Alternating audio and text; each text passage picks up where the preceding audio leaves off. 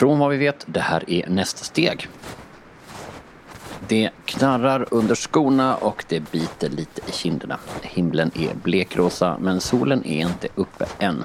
Ja, fälla den ditåt. Men frågan är om vi kan klara att fälla med de grenarna. Jag pulsar i snön i en trädgård en tidig morgon på Lidingö och försöker hänga med ett gäng trädfällare när de gör en besiktningsrunda. De är klädda orange med grova skor, hjälmar och stora leden.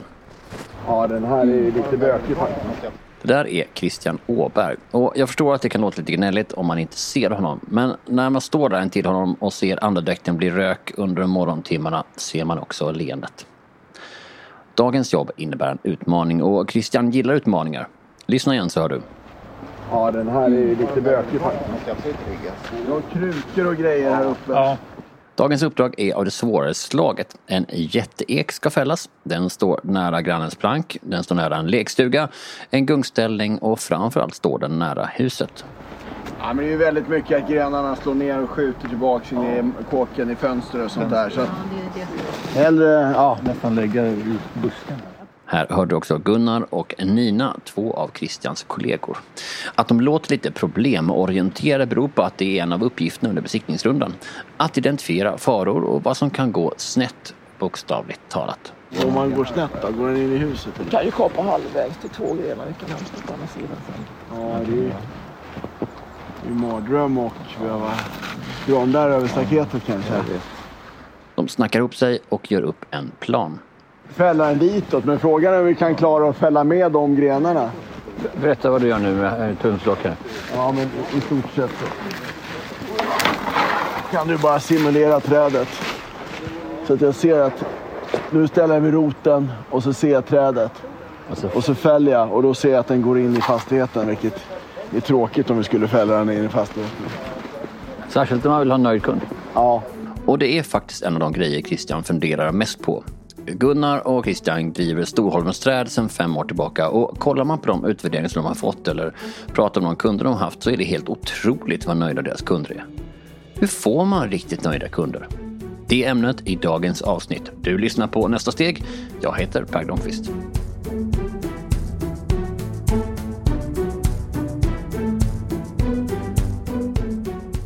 Stå inte på snö om du kan undvika det, sa Christian tidigare idag. Stå på grenar om du kan. Det är 12 minusgrader och den värsta kylan kommer underifrån. Jag har fått låna en del utrustning av dem, så jag är också helt orangeklädd. Men när jag tog på mig kängorna glömde jag att lägga in en filtsula, så jag fryser lite om fötterna. Jag försöker stampa igång dem, för det finns inga grenar att stå på ännu eftersom inget träd ännu är fällt. Samtidigt använder Christian måttstocken för att simulera fällriktningar. Nina kommer med någon idé, Gunnar säger något och sen har de löst det utan att jag riktigt vet hur. Både hon och Gunnar går mot bilen för att hämta grejer, eller studsar mot bilen kanske ska säga, för de är verkligen entusiastiska. Jag känner Christian sedan snart 20 år tillbaka och jag har alltid tänkt att han får något så här lite extra glitter i ögonen när han pratar om att göra kunder nöjda. Men hur han gör har jag inte riktigt fattat innan. Och det är därför jag bett om att följa med honom på jobbet en dag. Och det är mycket som ska fixas här. Så efter genomgången med trädfällarna tar Christian upp telefonen och ringer kunden medan de andra lastar ut den ena motorsågen efter den andra. Linor, rep och alla andra vinschar och klätterskor och vad det nu är.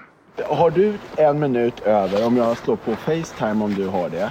Eh, Så kan, vi bara, kan jag bara säkerställa att vi tänker rätt. Jag provar eh, se om det går att slå över det här. Uppdragsgivaren är på väg till banken för att skriva på kontraktet i huset och har därför sagt till Christian och hans gäng att de inte får börja såga innan klockan 10 när alla papper är undertecknade. Så ja, god morgon. Härligt. ja, då, ska då vänder jag kameran. Jag tänkte gå igenom bara så att vi är överens. Eh, ska vi se hur man vänder. Där vänder man. Bra, då börjar vi med den eken. Den får kommunen ta. Innan de börjar kollar Christian med Gunnar ännu en gång och jag börjar förstå att en orsak till att de har så nöjda kunder är deras ansvarsfördelning. Ja, jag menar, man kan inte kunna allt. I det här fallet så har jag haft eh, lyckan att vi, vi startade det här tillsammans. Eh, jag och min nu- numera kollega sedan fem år tillbaks, Gunnar. Och han bidrar ju med, kompletterar med massa andra saker som, eh, jag inte är fullt lika bra på. Så det har varit vår styrka att vi kan komplettera varandra. Så du är den snälla, trevliga kundservice-människan och han är den som ser till att liksom det är ordning och reda och säkerhet. Ja, han är ju, han, han är ju typ bäst i Sverige på, på uh, säkerhetsfrågor och liknande. Så att om jag säger att det här fixar vi så säger han ja men vi kanske ska titta på det här också. Och tillsammans då så löser vi uppgiften men på ett säkert sätt i rimlig tid.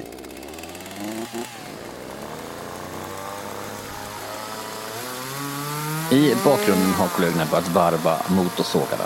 De är väl en sju, åtta stycken och de har tagit plats i varje träd i små grupper efter instruktioner från Gunnar och från Christian. Några av dem har redan klättrat upp i toppen på sina träd, andra står nedanför. Äh, Även jag har fått instruktioner. Jag ska dra undan det ris som fälls och jag har också fått en säkerhetsgenomgång bara för detta. Klockan är tio, motorsågarna startas och det tar inte lång tid innan första trädet faller. Gunnar har klättrat upp i en björk efter att ha skalat grenarna och nu är det dags för toppen att falla ner mot oss. Det samlas grannar runt oss för alla vill ju kolla på när träd faller och när de gör det är det förstås både kontrollerat och precis som beräknat. Lite senare får jag chans att sätta mig med Christian inomhus så att jag kan tina fötterna. Jobbar ni i alla väder? Ja, det försöker vi göra. Men man får vara ödmjuk ibland. Ibland så blåser det lite för hårt. Och eh, i vissa väder så kan det vara lite svårt att göra vissa uppgifter. Till exempel att eh, beskära en eh, hal sälj. Det är väl inte drömmen när det eh, spöregnar. Men nu är det 12 minus. Det går alldeles utmärkt. Vad är det, vad är det som påverkar om man när det är kallt? Vi kan anpassa oss, men det gäller ju för träden och så. Så att vi kan ju fälla träd när det är kallt, men vi vill ju helst inte beskära träd när det är för kallt. Vilket förklarar varför han sa till kunden att de skulle komma tillbaka och beskära när det var varmare. Hur får ni kunder? Ja, huvuddelen av våra kunder kommer nog via tidigare kunder. Det är ju nyckeln. Christian berättar att hans sätt att hantera kunder är något han har med sig från sitt tidigare jobb. Mitt forna jag, då höll jag på med besöksnäringen och turism och drivkraften var ju att optimera kundupplevelsen och jag har försökt ta med, sig, med det in i det här också. Så att vi försöker vända på det och inte se så mycket utifrån vårt perspektiv utan mer vad, vad kunden behöver i kombination med vad träden behöver. För det är det kunden vill ha på lång sikt. Så ni säljer solglimt då istället för att Ja, träd? det kan vara solglimt eller det kan vara eh, solskydd också. Lagom solskydd. Man får eh, kolla lite grann med kunden vad som kan tänkas upplevas men vi försöker anpassa det mer utifrån ett kundperspektiv. Och idag var inget undantag. Och så i det här fallet var det lite specialbeställningar med pedestaler som skulle tas ut ur ekverket för att äh, återanvändas inne i någon läcker konstellation inne i huset som ett minne av det trädet man tog ner. Det finns alltid saker att stämma av. Det är bättre att fråga en gång för mycket än för lite. Är det det som är nyckeln till att ni har fått nöjda kunder skulle du säga? Det, jag hoppas det i alla fall. Det, det verkar ju inte gå helt fel. Det, det känns som att eh, folk för det mesta är väldigt nöjda. Så eh, ett leende och lite extra så brukar det bli bra. Frågan är dock vad som är lite extra och det skiljer sig också från bransch till bransch. Såklart. Hos Storholmen Trä är en sån grej att de lovar att det ska vara rent och snyggt på platsen efter att de lämnat. Ja, en del brukar skämta och säga att det är inte så noga om ni fäller träd, bara ni gör snyggt efter er. Eh, så att ja, det måste vara rent och snyggt. För, eh, för det, det är en viktig del i totalupplevelsen. Man vill inte börja städa själv. Sen har vi olika prismodeller. Vi har en modell vi kallar Pajala. Då går vi in och tar ett snitt och så får kunden ta hand om saker och ting själv. Men vi försöker att inte sälja den om vi inte känner kunden, för det är ingenting kunden blir glad över på sikt, även om det var billigt. Och vad är det liksom för full eh, service? Det heter ändå Djursholm. Typ. då, då anlägger vi ny gräsmatta om det behövs efteråt. Det måste vara en av nycklarna till att folk blir nöjda. Att man slipper ha ris i trädgården, att ni har varit där och sopat, att ni till och med har kluvit veden och lagt upp den och eh, krattat er ur trädgården. Jo, men det är ju som alla upplevelser att ju bättre och mer komplett den är, desto nöjdare blir man oftast. Sen finns det ju vissa moment som att klyva ved. Det är ju, minns jag inom besöksnäringen, det sålde vi ju som upplevelse. Eh, det är ju en viss eh, harmoni att stå och klyva sin egen ved, så det ska man inte ta bort alltid. Jag frågar Christian vad det är han egentligen tog med sig från sin tid i besöksnäringen när det gäller att skapa nöjda kunder. Men om man tänker på en klassisk turistupplevelse så har du två interaktioner, eller tre om du har tur, interaktioner. Det är ju ett, när du börjar leta efter upplevelsen. Två, när du bokar den. Tre, när du är där. Och sen förr i tiden var det fyra när du skickade eh, vykort och det kom fram eller du framkallade dina bilder liknande. Det var ju fyra interaktioner. Och där försökte vi jobba på att fylla ut det så att den totala kundupplevelsen skulle bli större genom att jobba på flera tillfällen och då bibehöll den upplevelsen. Och sen så försökte påminna folk som skulle komma tillbaks. På samma vis tänker jag här att kan vi gå in och skapa en en lugn och jämn kommunikation med gästen vid flera tillfällen så ökar chansen att de är nöjd. Jag ber honom översätta det till vad de gör idag på Storholmen Träd. Det blir ju i det här fallet blir det första gången kunden får höra talas om oss. De går in på vår hemsida, de ser vår Facebook, vårt Instagram. Okej, här har vi en interaktion som vi inte riktigt kontrollerar. Sen blir nästa tillfälle när kunden hör av till oss med ett mail för att försöka kontrollera den upplevelsen lite mer så kanske vi försöker ringa och prata med kunden så vi kan stämma av om vi verkligen kan hjälpa till och så. Eh, och sen är man ju inne i flödet. Då blir det en tydlig offert. Det blir en tydlig avstämning med en orderbekräftelse. Det blir tydligt eh, när vi ska komma, vad som förväntas, hur många vi är, hur mycket ljud vi gör från oss. Och så stämmer vi av efter upplevelsen. Vi kanske skickar någon bild på själva fällningen. Eh, och sen så kommer fakturan och vi stämmer av där och sen så kanske vi någon liten trevlig hälsning så småningom. Så det gäller att optimera flödet hela vägen för kunden i lagom doser så att det upplevs som en stabilt och trevligt. Frågan är förstås om det kan bli för mycket ibland också. Så jag frågar om det också. Och så kan det vara i vissa fall också för kunden vill kanske inte ha mer kommunikationen så. Man vill ha ner ett trädpunkt. Och då får man försöka vara lite lyhörd så att det inte blir för mycket heller. Ja, just det, de som tänkte den här jävla han var tjattrig den här Christian. Nej men det får vara lagom. Så att ska vi bara ta ner ett träd och sen är det inget mer med det, det ska bort. Punkt. Då respekterar vi det. Och sen men i vissa fall så är det eh, vårdträdet i familjen med en hel släktgeneration som finns med och alla ska ha synpunkter. Då får vi vara liksom... Vi blir ju nästan någon form av vad heter Familjeterapeut. Ja, no, det blir ju terapi, terapeutiska samtal egentligen. Trädets betydelse för vissa och andra och så. Så det Christian och Gunnar på Storholmen Träd gjort är att bygga ett företag med kundservice i centrum och där har de en ständig dialog med kunden från början till slut. Men om man inte gjort det, men vill börja göra det, hur gör man då? Mer om det efter det här.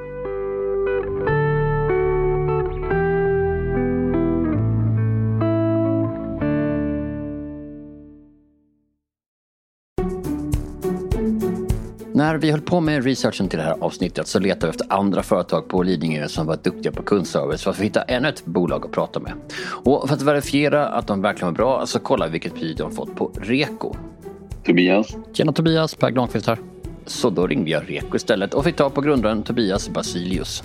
Och när vi pratade en stund om vikten att ha nöjda kunder så slog det mig att det kanske inte gäller alla. Finns det branscher där nöjda kunder inte spelar så stor roll? Ja, helt klart så är det så. Om vi pratar kundomdömen så är det inte lika aktuellt för lätta, alltså låga engagemangsprodukter som tandkräm, schampo, det som kallas för FMCG-produkter. Där bryr man sig inte lika mycket. Eh, det mesta kommer ju faktiskt funka om det nu är så att en detaljist har tagit in det och säljer det i sin butik. Jag. Så lite dyrare grejer, lite större köp. Det där det liksom spelar någon roll om man har nöjda kunder. När vi ska fatta beslut som får konsekvenser för oss, då betyder det här oerhört mycket. Och det behöver inte vara att det kostar mycket pengar. Det kan ju också vara kopplat till eh, rädslor eller skönhet. Om du tar en tandläkare så vill vi gärna gå till en tandläkare som vi känner oss trygg med och då vill vi gärna läsa omdömen innan vi låter någon börja gräva i våran mun med, eh, de här obehagliga instrumenten. Eller om vi går till en frisör så vet vi att vi blir snygg i håret för andra blev det enligt omdömena.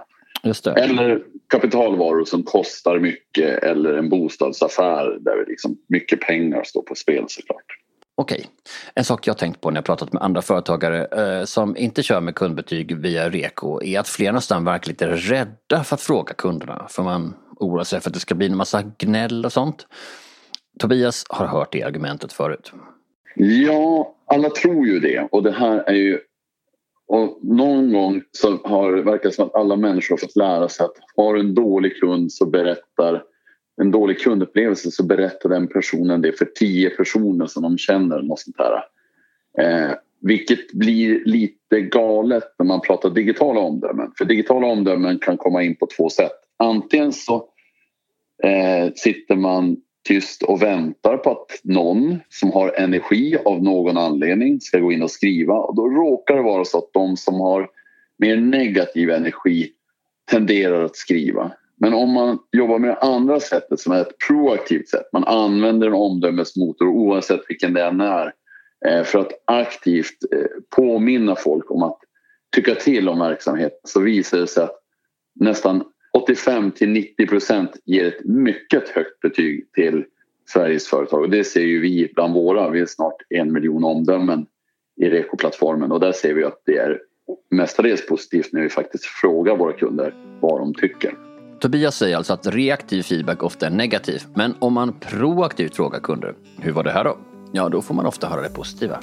Jag var inne och tittade på en av Sveriges största bokhandlare på nätet.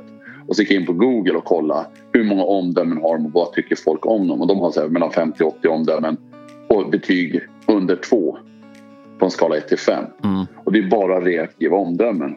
Och de hade ju inte sålt för flera hundra miljoner varje år om de var så dåliga. Eller hur? Och det har han ju förstås helt rätt i. Men frågan är förstås hur viktig omdömen är. Jag fattar att Tobias antagligen kommer att säga att det är viktigt, så jag har bett honom kolla upp det. Ja, jag läste en studie om det där och att två tredjedelar av alla som ska anlita en, det man kallar en local business, alltså en tjänstutövare i något, de förväntar sig att kunna läsa omdömen för att känna sig trygg i det valet. Att välja vilken podd man ska lyssna på kanske inte är ett jättestort val, men det kan ju få stora konsekvenser eftersom råden i nästa steg faktiskt bidrar till att man blir en bättre företagare. Jag har ju i alla fall blivit det. Varför är det så googlar jag just nu podden Nästa steg och ser vad jag har fått för betyg. Uh, här har vi just nu 4,6 uh, eh, av 5 stjärnor på iTunes eller på Apple Podcasts. Men det är bara 9 som har betygsatt. Och låt oss för en stund skita i diskussionen om man ska ta betyg från 1 till 5 eller 1 till 10. Tobias säger att 1 till 5 är bäst och det har ändå blivit en standard i världen. Hur som helst, jag ber honom utvärdera vårt sätt att utvärdera hur andra utvärderar den här podden. Det absolut viktigaste det är mängden omdömen man har samlat in i nutid. Det visar ju sig att omdömen som är äldre än tre månader läser inte konsumenter. De tror inte på dem längre, de är inte relevanta. Utan man vill ha nu aktiva eller aktuella omdömen från nutiden. Och man vill ha många. Man vill lägga mycket tid. Man läser minst tio omdömen innan man fattar sitt beslut. Så det här att vi Så fått ta- 4,6 i betyg men bara 9 av 5 eh, låter ju bra. Men eftersom det bara är 9 som har betygsatt så är- det betyder egentligen ingenting. Ja, men det, det är väl bättre att du har, har ett omdöme över ingen alls. Men de flesta konsumenter ser igenom om man har så lite som nio. Man, det finns ju någon sån här närmast sörjande volym. Om man lyckas liksom skrapa ihop omdömen från släkt och vänner eh, genom att liksom be dem skriva på iTunes då i det läget. Har du nio stycken så kan det ju faktiskt vara bara din familj som har tyckt till om, om eran podd, om du ursäktar. Så det- Okej, där. Du misstänker det här för att vara min familj och sen producent Jens och liksom vår klippare. Uh, ungefär de Ja, men, går in. fo- fo- folk är ju exceptionellt cyniska nu. Alltså, de, de har ju varit med om mycket och levt med internet så länge att vi vet att allt inte är sant. Och därför säger jag så här, bästa sätt att bygga en trovärdig bild, en autentisk bild av en verksamhet, en podd eller vad det än är, är att ha mycket omdömen. Ja, här kanske vi borde pausa avsnittet inser jag så att du som lyssnar på Apple Podcast eller Acast kunna gå in och ge oss fem stjärnor. Ja, alltså, jag väntar. Eller gör det sen hygglig. Nu fortsätter vi. Hur som helst, Tobias på Reko berättar också att betygen kan användas som ett verktyg för intern styrning för att se till att man verkligen gör det som förväntas. Nej, men det var rätt intressant. Jag pratade med en, en byggare uppe i Östersund och han liksom sa att vi tar upp det här på måndagsmötet med mina, mina byggare för där får vi massa information under veckan vad som har hänt ute på byggena när kunderna svarar på omdömena. Och det är rätt, det är rätt spännande. För kunderna skriver ju vad som händer. De dyker upp vid en viss tid. De beter sig och har en viss jargong. Och ibland är den positiv och ibland är det något som kanske var mindre bra. Ja, jag tror alla medarbetare blir också väl medvetna att vi blir bedömda och det gäller att vi står på tå. För våra kunder kommer säga vad de tycker om oss. Det är så vi jobbar mm. och det gör också oss till ett bättre företag. Tobias Basilius på Reko var det där.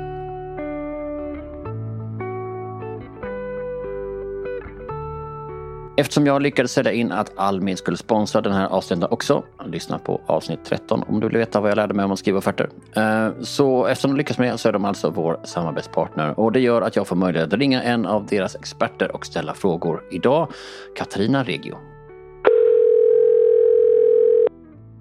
Almi Katarina Reigo. Hej Katarina, det här var Per Granqvist från Vad vi vet. Jag börjar med att fråga om det finns aspekter av det här med att ge service som vi ibland glömmer bort. Det är ju det här med att man ska vara engagerad till exempel. Att kunden då känner sig uppmärksammad och att man, det här enkla som vi pratar också om, att man är positiv och vänlig i ja. bemötandet med kunden. Och lyssna och ställa frågor och hålla löften var framförallt de sakerna som jag tänkte på att man eh, ska tänka på. Ibland när man pratar om att man ska ha nöjd kund och vi pratar om att ha nöjd kundindex och fokus på kund. Alltså det kan ju också bli lite sådär klyschigt. Alltså de här sakerna ja. du nämner är ju liksom så här som man tänker att folk borde ha koll på det. Fast som kund upplever jag verkligen att folk inte har koll på det. Nej precis, det är ju det är precis det. det är ju lite, alla borde veta att de här grejerna är viktiga. Eh, bara en sån enkel sak som att ha ett vänligt bemötande. Det, det är inte alltid man får ja, kanske prata om väder och vind och, och lite, inte för mycket förstås, men eh, att få en lite... Som till exempel i vår värld där vi pratar finansiering så har jag märkt att det, eh, det är lite känsliga frågor. Folk är ofta nervösa när de kommer till oss. Eh, men att man eh, pratar lite grann runt omkring om andra saker. Det kan till och med vara att man pratar om barnen eller så som man skapar en relation innan man går in på affärsbiten. Är det möjligt att göra en kund nöjd fast de inte får vad de önskar? Jag frågar Katarina. Jobbar du med nöjdkunder slår mig ju också. Liksom, för menar, i, i, ni, ni, träffar företag och sen så ibland så får de då avslag. De får inte de pengar man hade hoppats på att få ner. Kan man ändå se till att, det, att, att de är nöjda kunder? Det kan man absolut göra. Eh, det gäller att förklara för dem varför de får ett avslag. I vissa fall så är det ju att man tror på affärsidén fast att eh, det är lite tidigt i våra fall. Men det går ju absolut att skapa en nöjd kund även fast man eh, har ett negativt besked att komma till dem. Man kan ge dem råd om var de ska gå eller råd om hur de ska driva verksamheten.